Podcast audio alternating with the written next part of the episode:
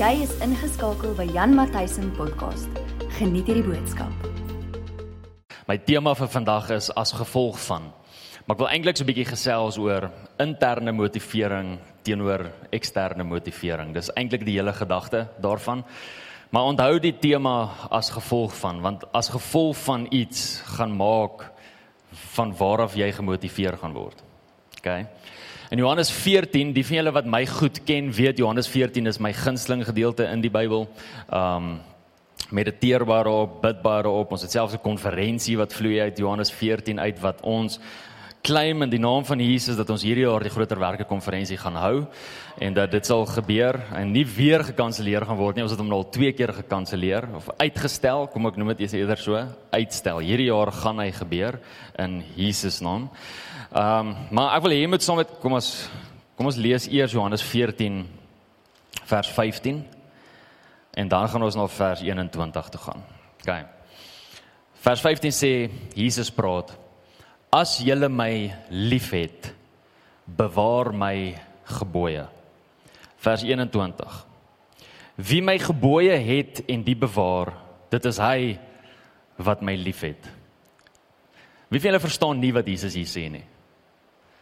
Dink is nogal eenvoudig, nê?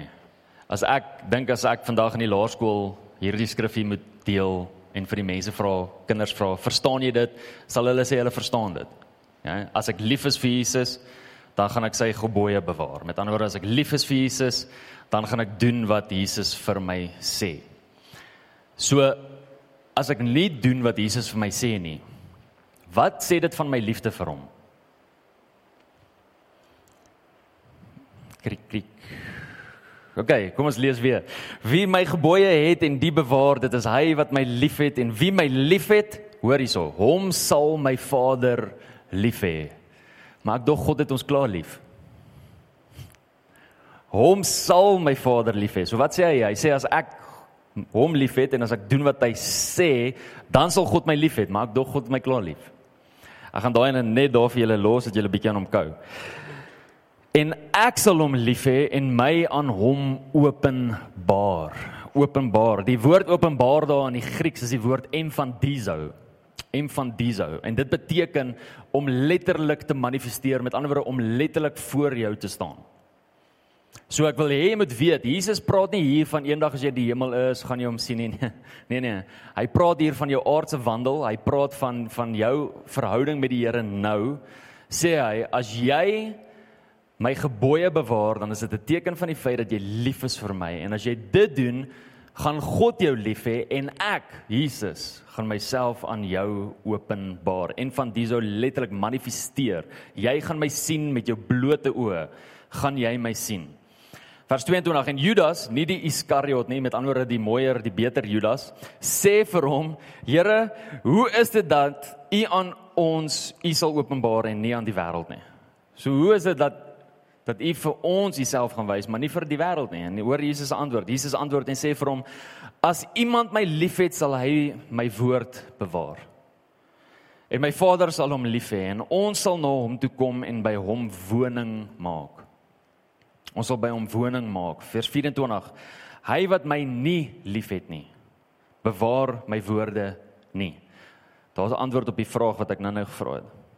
En die woord wat jy hoor, is nie myne nie, maar is van die Vader wat my gestuur het. Die woorde wat julle hoor is nie myne nie, maar is van die Vader wat my gestuur het. So hierdie is wat ons moet weet uit daai verklaring wat Jesus hier maak. Hierdie is wat hy sê. Hy sê dit wat ek nou met julle deel is nie iets wat uit my hart uitkom nie, maar hierdie kom uit Vader se hart uit. So hierdie is letterlik 'n tentoonstelling, 'n blootstelling, 'n openbaring van Vader se hart. Hê my lief. Doen wat ek vir jou vra om te doen. Toe ek klein was, weet nie van julle nie, maar toe ek klein was, het ek dalk so klein bietjie motivering van my ouers afgehaal, nodig gehad vir sekere goeders. OK? Soos byvoorbeeld, as my ouers nie vir my gesê het wat om te eet nie, of as my ma nie vir my kos gemaak het en gesê het dit is nou wat jy gaan eet nie, sou ek vir oggend, middag en aand eet 'n Coco Pops geëet het. Dit so. Ek ek bely dit nou aan julle. Ek was verslaaf aan Coco Pops. Ek was verslaaf aan om die Rice Krispies van die Coco Pops te eet en die chocolademelkies te drink na die tyd en seker te maak daar's soveel suiker in dat die suiker na die tyd agterbly dat ek dit ook kan opeet. Ek was verslaaf daaraan en ek sou dit geëet het in die oggend, in die middag en in die aand elke dag van my lewe. Maar wie wil weet my ma het ekstern my gemotiveer om dit nie te doen nie. Maar om eerder ander kosse te eet, soos daai daai boom wat 'n mens noem broccoli of blomkool om van daai boom te eet waarvan God gesê het ons nie mag eet nie, maar nou moet ons daarvan eet.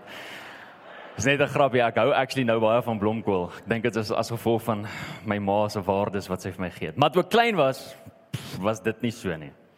Wie wil weet dat toe ek klein was, kon ek nie wag om te varkie aand nie. Weet julle wat is varkie aand? Om die hele dag deur te gaan. Hier's nou nog mense wat like van varkie aand uh, varkie aand is jy gaan deur die hele dag en jy gaan stort nie, dis varkie aand. En dalk die volgende dag. Wie weet, jy weet, mens mens weet nie hoe die volgende dag gaan loop nie. Dalk die volgende dag as die eksterne motivering daar is, dalk sal 'n mens dan gaan bad, maar ag, wat as mens nie hoef nie. wat nou? Weet Wie vind hulle weer dat as my ouers nie vir my gesê het Jan jy moet nou gaan bad nie. Ek ek weet regtig nie of ek sou gaan bad het nie. Genuine genuine genuine genuine blydenis. Dis sommer ek 'n seun is. OK. Um wie wil julle weet dat ek ook nie ek weet ook nie of ek my tande sou borsel nie. Ek's regtig eerlik met julle. Ek het dit gehaat toe ek klein was om tande te borsel. Dit was nie vir my lekker nie.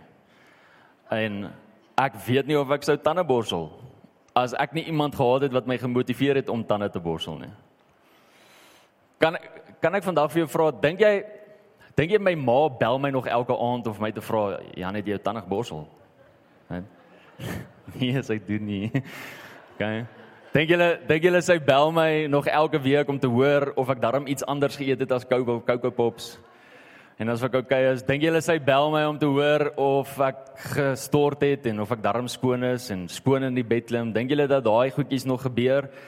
Nee, dit gebeur nie meer nie. Hoekom nie? Want ek het volwasse geword en daar sekere waardes wat my ma geleer het vir my wat gemaak het dat ek nou optree sonder om eers te dink. Wie van julle het al tande geborsel en dan sit iets waarna jy nie eers dink nie. Dis net jou daaglikse daaglikse rotine. As jy wakker word, het jy jou sekere rotine en as jy weer sien is alles klaar, jy het tande geborsel, jy kan dit nie eens onthou nie, maar dit is so. Jy het dit gedoen want dis rotine by jou. Maar wie wil weet dat ek 'n eksterne motivering nodig gehad het vir dit om 'n interne motivering te word? So baie keer as ek lewe volgens my eksterne motivering, dan is dit 'n bewys van my volwassenheid. Ek as 'n volwasse man, 36 jaar oud. 16, toe maar. Ek as 'n volwasse man het nou sekere motiverings nie meer nodig nie want dis deel van wie ek is. Ek het 'n ek het 'n groot besorgdheid in die koninkryk van God. Ek het ek het 'n besorgdheid in my hart dat daar dat daar sekere kinders van die Here is wat hulle self volwasse noem, maar wat sekere dissiplines in hulle volwasse wandel van Christendom nog nie eens onder die knie het nie. En eintlik is dit 'n teken van jou onvolwassenheid en nie jou volwassenheid nie. Ek het ek het 'n besorgdheid binne my hart en ek het hierdie noudag het ek dit vir Pastor Tersius gesê. Ek het 'n besorgdheid in my hart dat die kerk van vandag en eintlik moet ek meer verwys na die westerse kerk toe want ek het nou so bietjie onlangs so bietjie meer te doen gehad met die kerk in Pakistan en in Indië. En julle sal verbaas wees vir hoe hulle kerk hou. Julle sal nie gaan nie en hulle hou kerk 4 ure op 'n slag 3 keer 'n dag. Elke dag sonder daar's nie 'n rustyd in nie. 4 keer per sessie 3 keer 'n dag elke dag. Met 'n generator wat net hier staan want die lead is nie lank genoeg nie. So jy hoor die brrr, terwyl die ou besig is om te preek en daar's nie een stoel nie en daar's nie een koelteboom nie. Dis in die son. Partykeer reën hulle papnat, maar hulle is daar. Ek het 'n besorgdheid in my hart dat die westerse kerk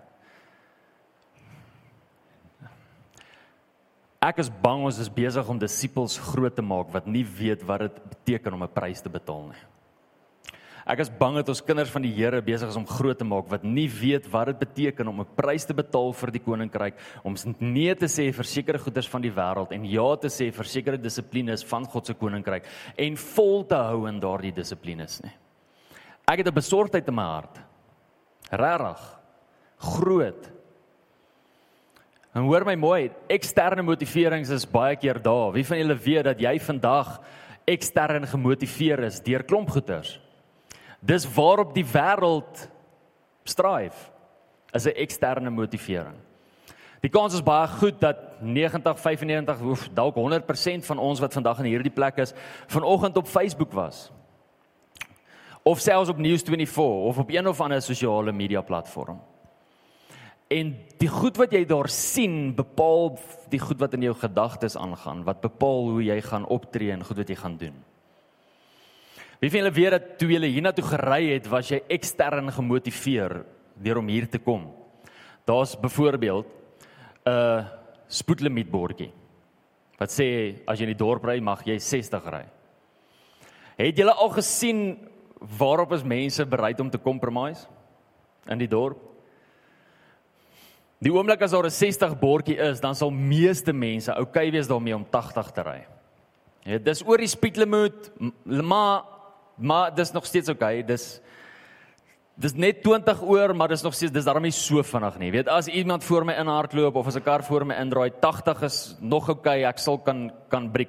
Maar 100, nee, Jesus, jy kan hom nie 100 ry deur die dorp nie. Luister, as jy oor die spoedlimiet is, dan is jy oor. Is dit nie vir jou interessant hoe ons sekere goederes as aanvaarbaar sien en ander as nie aanvaarbaar nie? Oor die limiet is oor die limiet.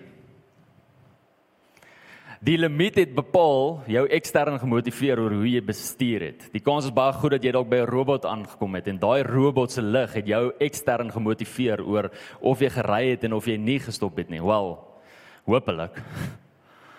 Want ek sien deesdae is 'n rooi lig net 'n toegeeteken hier in die dorp. Maar daar's seker goeders wat 'n mens ekstern motiveer. Die kans is baie goed dat sekere eksterne goed vandag in hierdie plek gemaak het of bepaal het hoe jou aanbidding gelyk het hoe hard die klank was, hoe warm dit is in die gebou, hoe lekker die koffie geruik het, hoeveel mense dalk langs en om jou is, wat se liedjies ons gesing het of jy die liedjie geken het of nie geken het nie, hoe die stemme was, was die stemme vals of was die stemme op pitch gewees? Ons span is nooit vals nie. Hulle is altyd, hulle is altyd daar. Dat daai eksterne goed kon bepaal het hoe jou aanbidding gelyk het vandag. Of jy kan vandag gemotiveerd gewees het deur interne goed. Kom ons gebruik die kerk as 'n voorbeeld.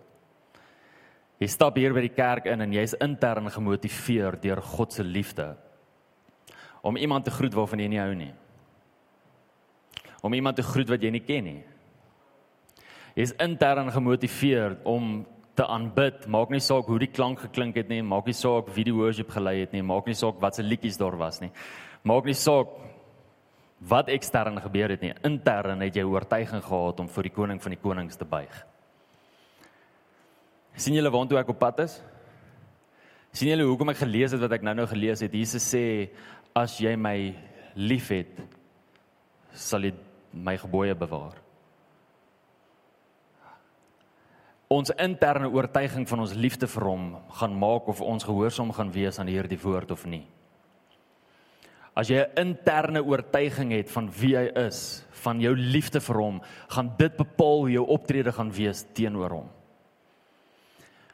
Maar in vandag se tyd het ons ongelukkig die westerse kultuur aangeleer waar dit waar ons eerder daarna streef om mense gemaklik te hou in kerk as wat ons hulle sal challenge. As wat ons hulle as in plaas van om nie 'n kompromie aan te gaan nie, eerder 'n kompromie aan te gaan. Sodat die mense net kan kerk toe kom, want joh, jy weet as dit te warm is in die kerk dan wil die mense nie kom nie of as dit kliphard reën buite dan wil die mense nie kom nie. Selfs al het hulle geboek en beteken dit iemand anders kan nie kom nie want hulle het geboek. Net so by the way. Baie keer um bepaal dit ons optrede. En ek het 'n probleem daarmee. Ek wil ek wil hierdie sommer prontheid vir elke een van ons familielede sê en as jy vandag 'n kuiergas is, wil ek dit vir jou ook sê. Ek het 'n probleem daarmee dat Christendom cheap is. Ek het 'n probleem daarmee dat Christene nie bereid is om 'n prys te betaal nie. Ek het 'n probleem daarmee dat Christene convenient wil leef en convenient wil wees. Die hele wêreld se modus operandi is om jou gemaklik te maak. Het jy dit geweet? Dis waartoe tegnologie gaan. Tegnologie is daar om jou gemaklik te maak, om dinge vir jou so gemaklik en lekker as moontlik te kan maak. Dit is hoekom jy 'n skorrelgoedwasser het, want dit is nie lekker om skorrelgoed te was nie. So jy pak dit eerder daarin. Dis gemaklik. Dis hoekom jou selfoon sekere goeders doen. Dit maak dit vir jou gemaklik. Dis hoekom die banke selfs nou na internetbanking sekere funksies inbring wat nooit daar was nie, want hulle maak dit vir jou gemaklik. Jesus, ons wil net hê jy moet gemaklik wees. Kan ek vandag vir jou sê hier in Kruisgenerasie, ons wil nie hê jy moet gemaklik wees nie. Ja, ek wil hê jy moet so ver uit jou comfort zone uit wees as wat jy moontlik kan wees. Ek wil hê die Heilige Gees moet jou so convict, jou so stretch dat jy hier uitstap en regtig iets sal hê om oor te dink, dat jy regtig iets sal hê om oor te ponder, dat daar iets in jou hart sal gebeur binne-in dit wat jy hier ervaar wat nooit op enige ander plek sal gebeur nie. Jy's as vol in die vol van die feit dat jy nie gemaklik is nie. Dat jy nie convenient, dat dit nie convenient is nie. Pas op vir convenient Christendom. In Handelinge 2 sien ons die Heilige Gees is uitgestort. Daar's 500 mense eersins daar en daar bly net 120 mense oor. 380 mense het gesê nee, wat dis te veel vir hulle. Hulle gaan nou nie meer wag nie. 120 is daar, die Gees word uitgestort. Hulle praat in tale. 3000 mense ton, kom tot bekering, word by die kerk bygevoeg en die woord van die Here sê aan die einde van Handelinge 2 en hulle het daagliks saam by die tempel bymekaar gekom en daagliks saam by mekaar se huise brood gebreek. Weet jy wat is die implikasie van hoe die geloof gelyk het daai tyd? Mense was daagliks in die kerk en hulle was daagliks in selgroepe gewees.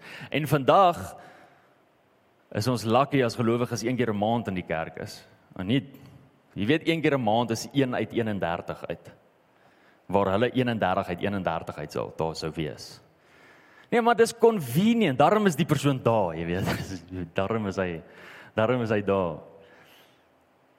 Ek het 'n ek het 'n probleem met waar ons Christendom toe gevat het.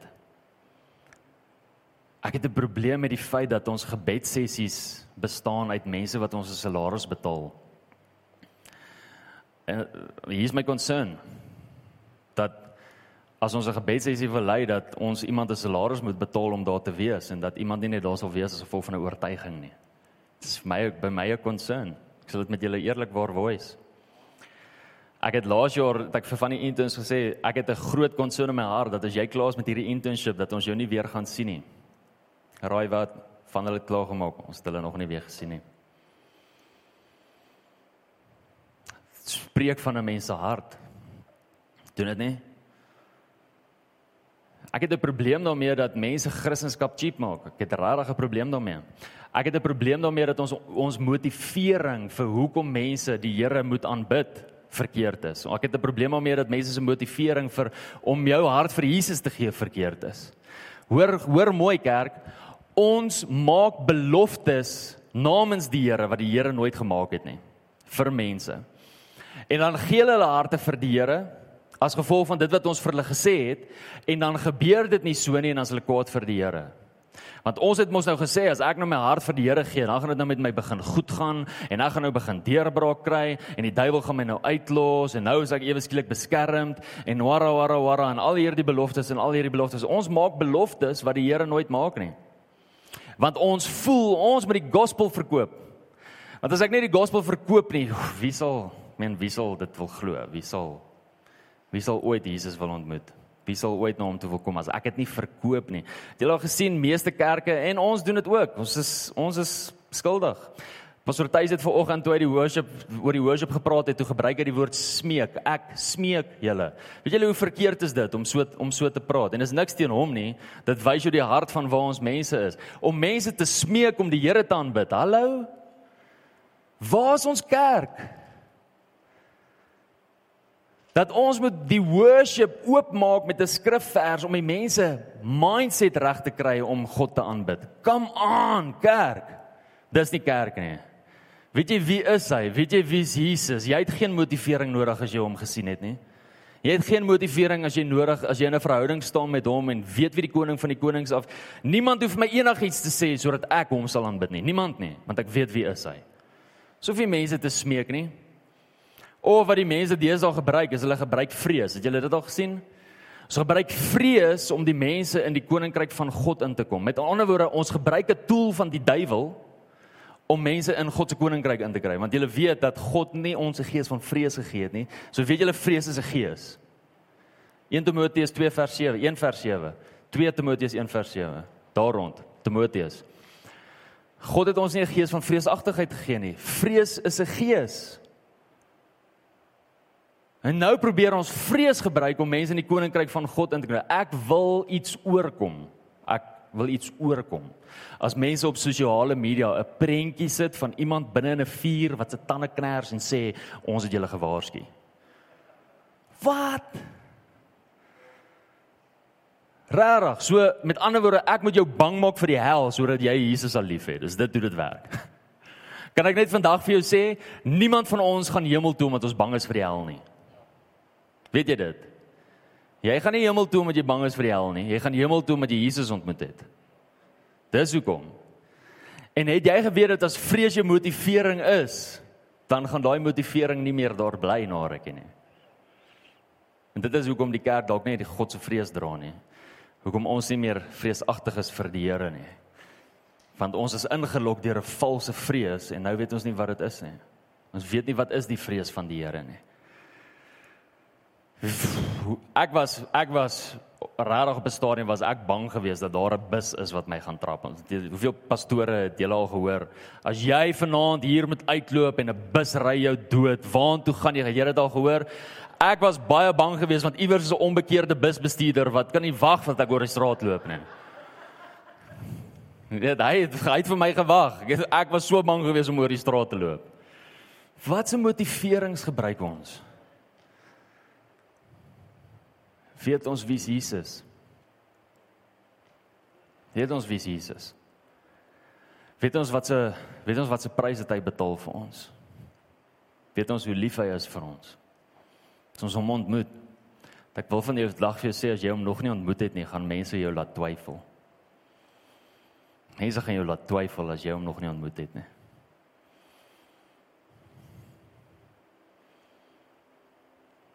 Ons probeer die gospel so mooi of so skerry klink dat mense hulle oortuiging sal gee. Jesus het gekom en hy het gesê luister jy geen bouer bou as hy nie die koste berekening het nie.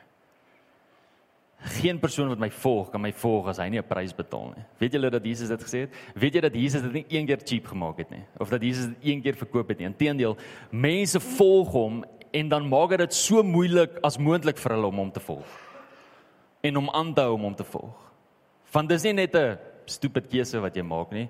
Hierdie keuse is 'n dis 'n keuse van lewe en dood. Dis 'n belangrike keuse. En jy beter die keuse maak vir die regte rede. Wie van julle is getroud met jou vrou of met jou man, maar die rede hoekom jy getroud is met hulle is eintlik vir hulle geld? Is dit die regte keuse? Die wille wat nou nie geld het nie, so sê dankie tog. ja, weet my vrou is definitief nie vir die geld nie. Maar jy verstaan die keuse implikasie. Wat is die rede hoekom jy die keuse gemaak het?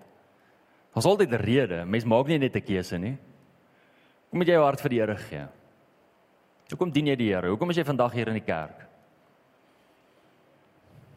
Wat is jou rede? En weet jy wat? Elke een van ons redes sal 10 10 in verskil. Dis fyn. My rede is is ek het hom ontmoet in my laagste laagste laagste punt. En die oomblik toe ek in sy oë vaskyk, sien ek myself ontbloot en ek weet hy weet van alles wat ek my hele lewe voor gedoen het al. Hy weet van alles was niks weggesteek nie. En terwyl ek in sy oë kyk, sien ek liefde en aanvaarding. Hoe kan 'n mens ooit nee sê vir so iets? Vir iemand wat selfs al jou gedagtes ken en jou steeds liefhet. Blaai saam met my na Johannes 14 toe. As ek nog kort, o, oh, gats. Te kort. OK, gaan ons. Ek het nog twee skrifverse oor, so moenie worry nie. So, ons gaan hom nog kap. Lukas 14 vanaf vers 25. Hoor hoor gou hierson. En en 'n groot menigte het saam met hom gegaan. So daar's baie mense wat vir Jesus volg op hierdie staan. Daar's mense agter hom aan. Hulle loop saam met hom en hy het omgedraai en vir hulle die volgende gesê: "Hoor hoe maklik maak Jesus dit vir hulle om hom te volg." Hoor gou. Sê as iemand na my toe kom en hy haat nie sy vader en moeder en vrou en kinders en broers en susters, ja selfs ook sy eie lewe nie, kan hy nie my disipel wees nie. Jesus Jesus maak dit vir hulle so maklik. Hy sê soos, "Ja, ah, haat jou ma, haat jou pa, haat jou vrou en jou kinders en dan kan jy my volg. Dan kan jy my disipel wees." Wat dink julle verduidelik wat hy daar sê of is julle okay? Wat Jesus hier sê is die volgende. Hy sê as jy jou ma of jou pa of jou vrou of jou man of jou kinders of enigiemand liewer het as wat jy my het of eers stel bo my is jy nie waardig om my disipel genoem te word nie. Moet ek net daar stop? Hoeveel van ons kom nie kerk toe nie want nee, ons kinders. Dit is. Dit is moeilik met my kinders en weet hoeveel van ons gebruik ons kinders se verskoning? Weet jou kind dat jy hom as 'n verskoning gebruik? En Jesus sê, "Wel, as jy hulle meer liefhet, kan jy my disipel wees nie. As jy hulle eers stel bo my, kan nie my disipel wees nie. Jesus maak dit vir hulle maklik, hè? Hoekom het hoekom voel ons dat het, ons dit nodig het om dit maklik te maak vir mense as Jesus dit nie eers doen nie? Hoor wat sê hy nog? En elkeen wat sy kruis nie dra en agter my aankom nie, kan my disipel nie wees nie. As jy nie goed in jou lewe neerlê nie, kan jy nie sy disipel wees nie. Nee, maar ek dra my kruis. So net so kruis. Ek kom een keer 'n maand kerk toe. Dis my kruis. My kruis is ek kom een keer 'n maand kerk toe. Ek het dis kruis wat ek dra. Ja, ek dink dis wat Jesus bedoel het nie. Hy sê daagliks. Een keer 'n maand is nie daagliks nie. Hy sê dat daar daagliks iets is wat ek kies wat 'n inconvenience is vir my, maar ek kies dit omdat ek lief is vir hom. Dis wat hy hier sê. So dis dis daaglikse keuse om te maak en te sê, "Wow, ek ek weet daar's iets daarin in gelowiges om saam te bid en die Bybel sê vir ons dat ons saam moet bid. So ek moet by die gebed uitkom, selfs al weet ek, ag, ek het so baie werk. Ek vandag was so besig geweest by die by die werk en ek het soveel goed wat ek moet doen vanaand, maar ek weet ek moet by die gebed uitkom. Dis 'n kruis wat jy dra. Maar nee, ons moet ons moet die mense net gemaklik hou. Ons moet hulle net kort dis dis oukei okay, julle moenie saamkom bid nie die pastoor sal alleen bid. Dis fine. Die, die pastoor kan alleen in in gesamentlike gebed wees saam met hom en die Heilige Gees en Jesus. Dis mos meer as genoeg. Wat twee of meer die pastoor, die Heilige Gees en Jesus bymekaar is, dis fine.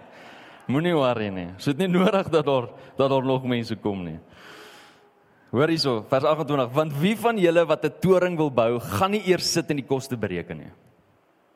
Of hy die middele het om dit uit te voer nie, sodat as hy die fondament gelê het en nie in staat is om dit te voltooi nie. Almal wat dit sien, nie miskien met hom sal begin spot en sê hierdie man het begin bou en kon nie klaar kry nie. Of watter koning wat optrek om teen 'n ander koning slag te lewer, gaan nie eers sit en beraadslag of hy in staat is om met 10000 die een te ontmoet wat met 20000 teen hom kom nie.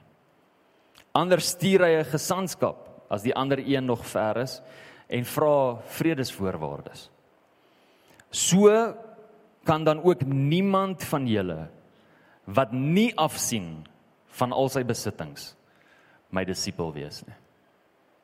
Hoor julle wat sê Jesus hier?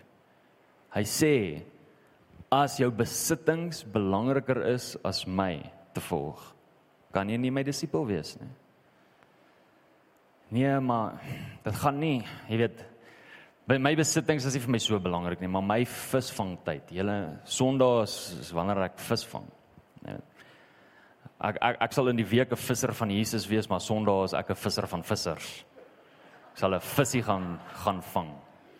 En deur jou om soveel mense na die Here toe te lei as die visse wat jy vang op 'n Sondag.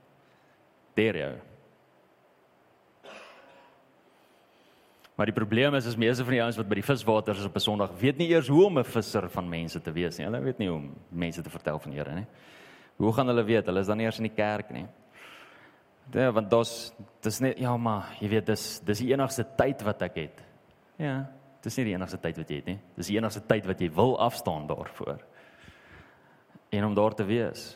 Jy sit vandag mense wat jy sit vandag 100 mense, al bietjie minder want ons kinders in die kinderkerk wat tyd afgestaan het om hier te wees. Ja, maar pastoor, ek wou boek, maar daar was nie meer plek nie. Ja, maar daar's vanaand plek.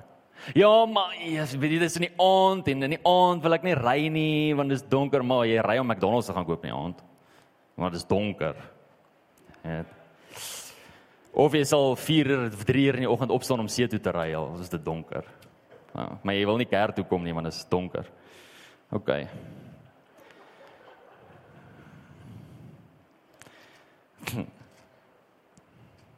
Johannes, dis nou nie meer Jesus wat praat nie, so ons hoef dit nou nie meer so letterlik op te neem nie, dis nou net Johannes wat nou praat. Okay? Johannes sê die volgende in uh, in 1 Johannes 2 vers 15. Hy sê moenie die wêreld lief hê of die dinge wat in die wêreld is nie. Moenie die wêreld lief hê of die dinge wat in die wêreld is nie sien jy dat Johannes hier praat van eksterne motiverings, goed wat jou van buite af motiveer, die wêreld lief hê of dinge in die wêreld. 1 Johannes 2 vers 15. Hy sê as iemand die wêreld liefhet, dan is die liefde van die Vader nie in hom nie. Sjoe. Want alles wat in die wêreld is en hoor gou hy noem drie goeters. Hoor wat noem hy? die begeerlikheid van die vlees, die begeerlikheid van die oë en die grootsheid van die lewe. Alles eksterne goed. Is nie uit die Vader nie, maar is uit die wêreld. En die wêreld gaan verby en sy begeerlikheid, maar hy wat die wil van God doen, hy bly vir ewig. En die wêreld gaan verby en sy begeerlikheid. Daai goed wat jy so begeer, daai goed wat jy so aan agter is, daai goed wat jy so graag wil bereik en so graag wil doen, dit gaan alles verbygaan. Niks van dit gaan bly nie. Niks.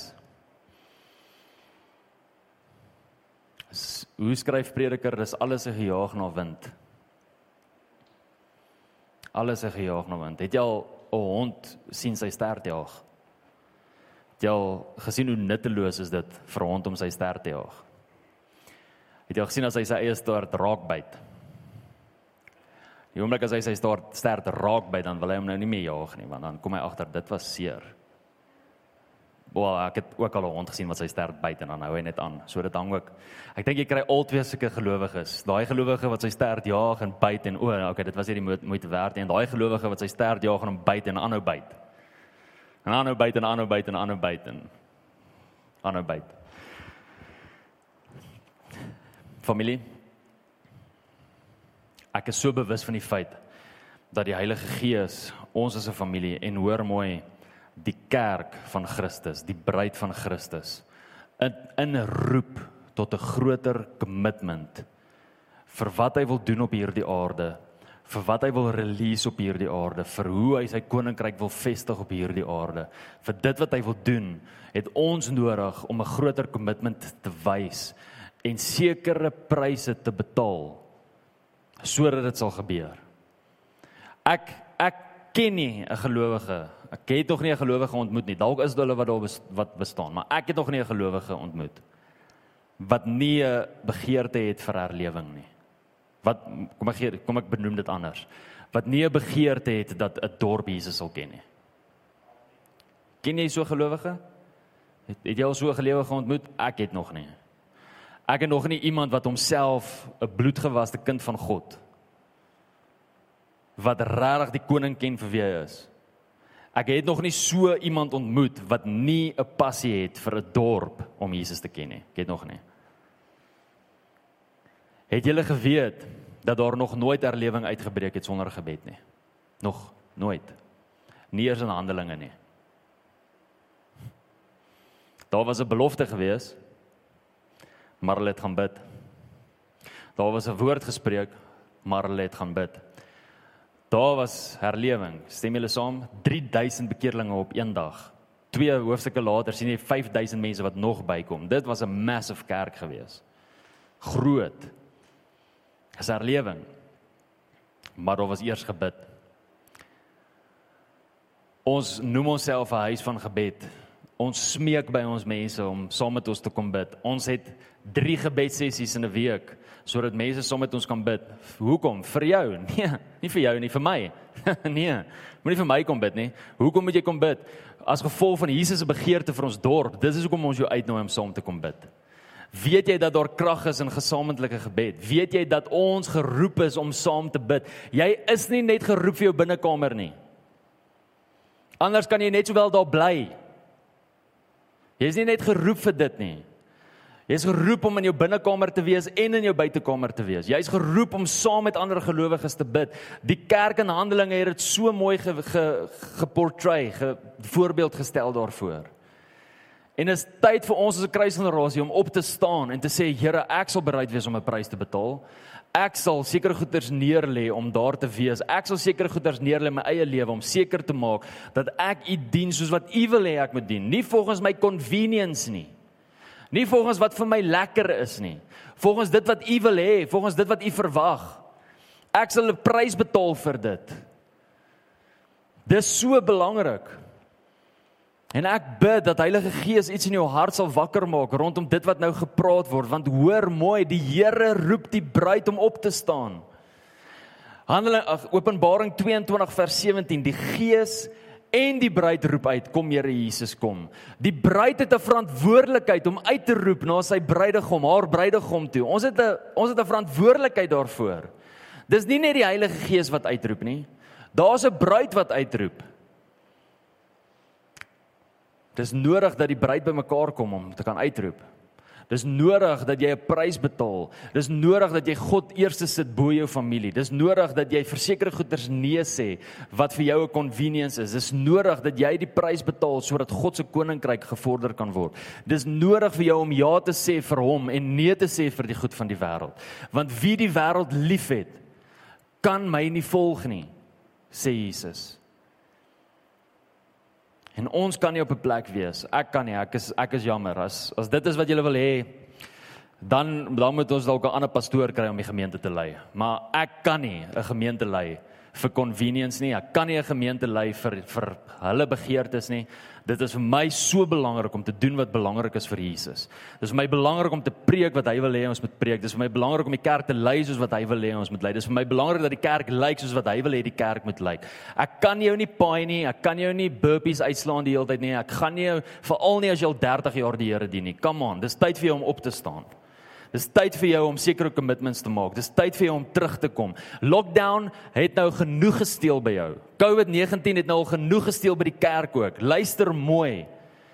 Daar was 'n tyd gewees wat die kerk toe was en ons almal het begrip daarvoor en ons verstaan dit.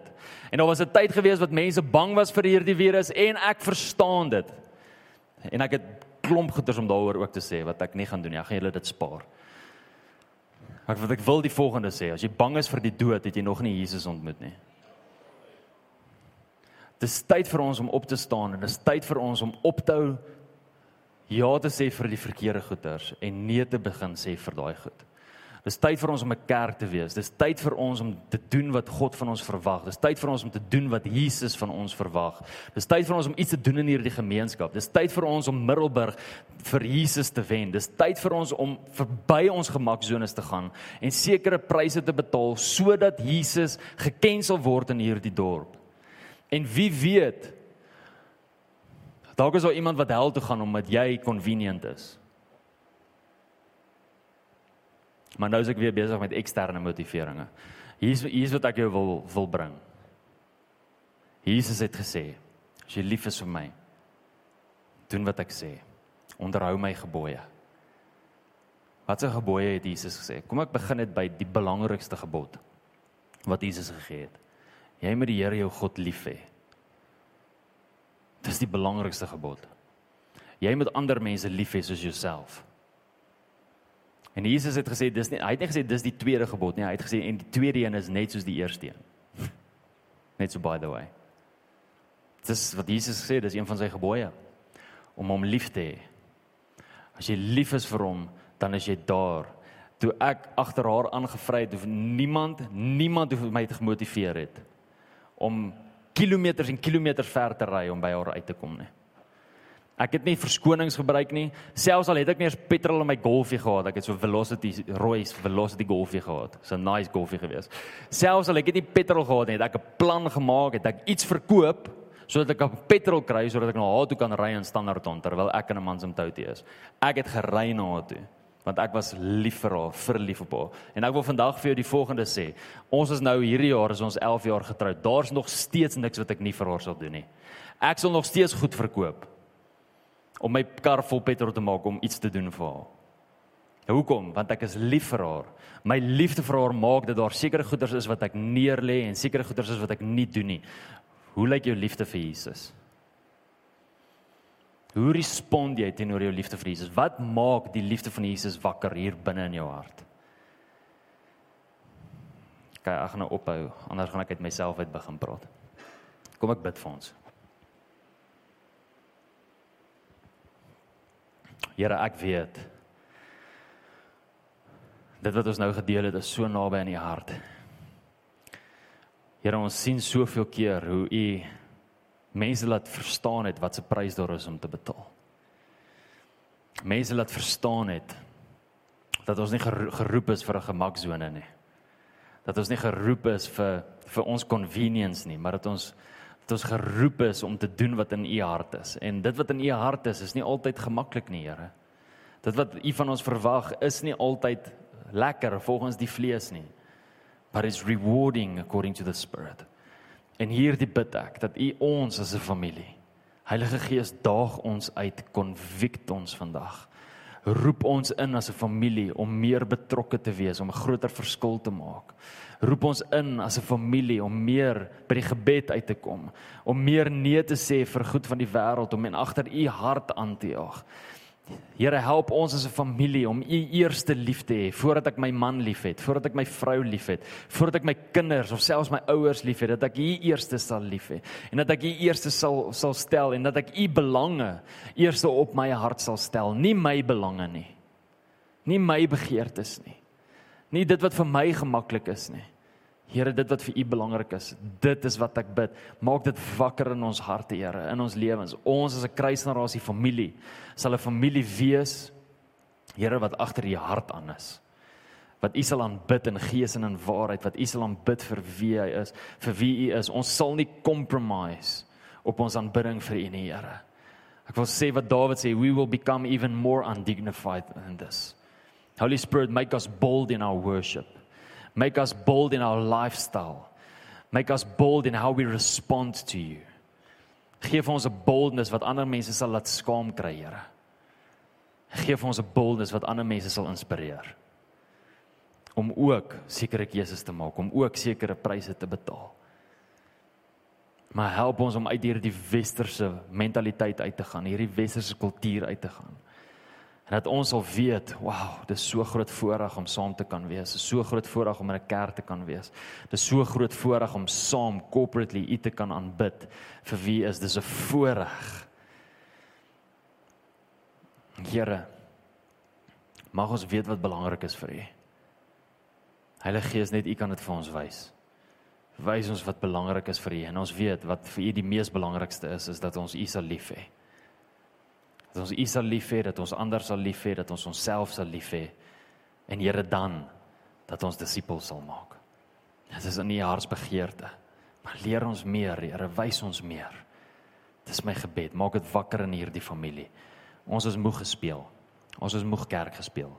Ons is moeg stupid verskonings maak. Here, ons soek meer en meer en meer van U. En ek bid, Lord, that you would respond to this in Jesus name. Amen. Dankie dat jy saam met ons geluister het.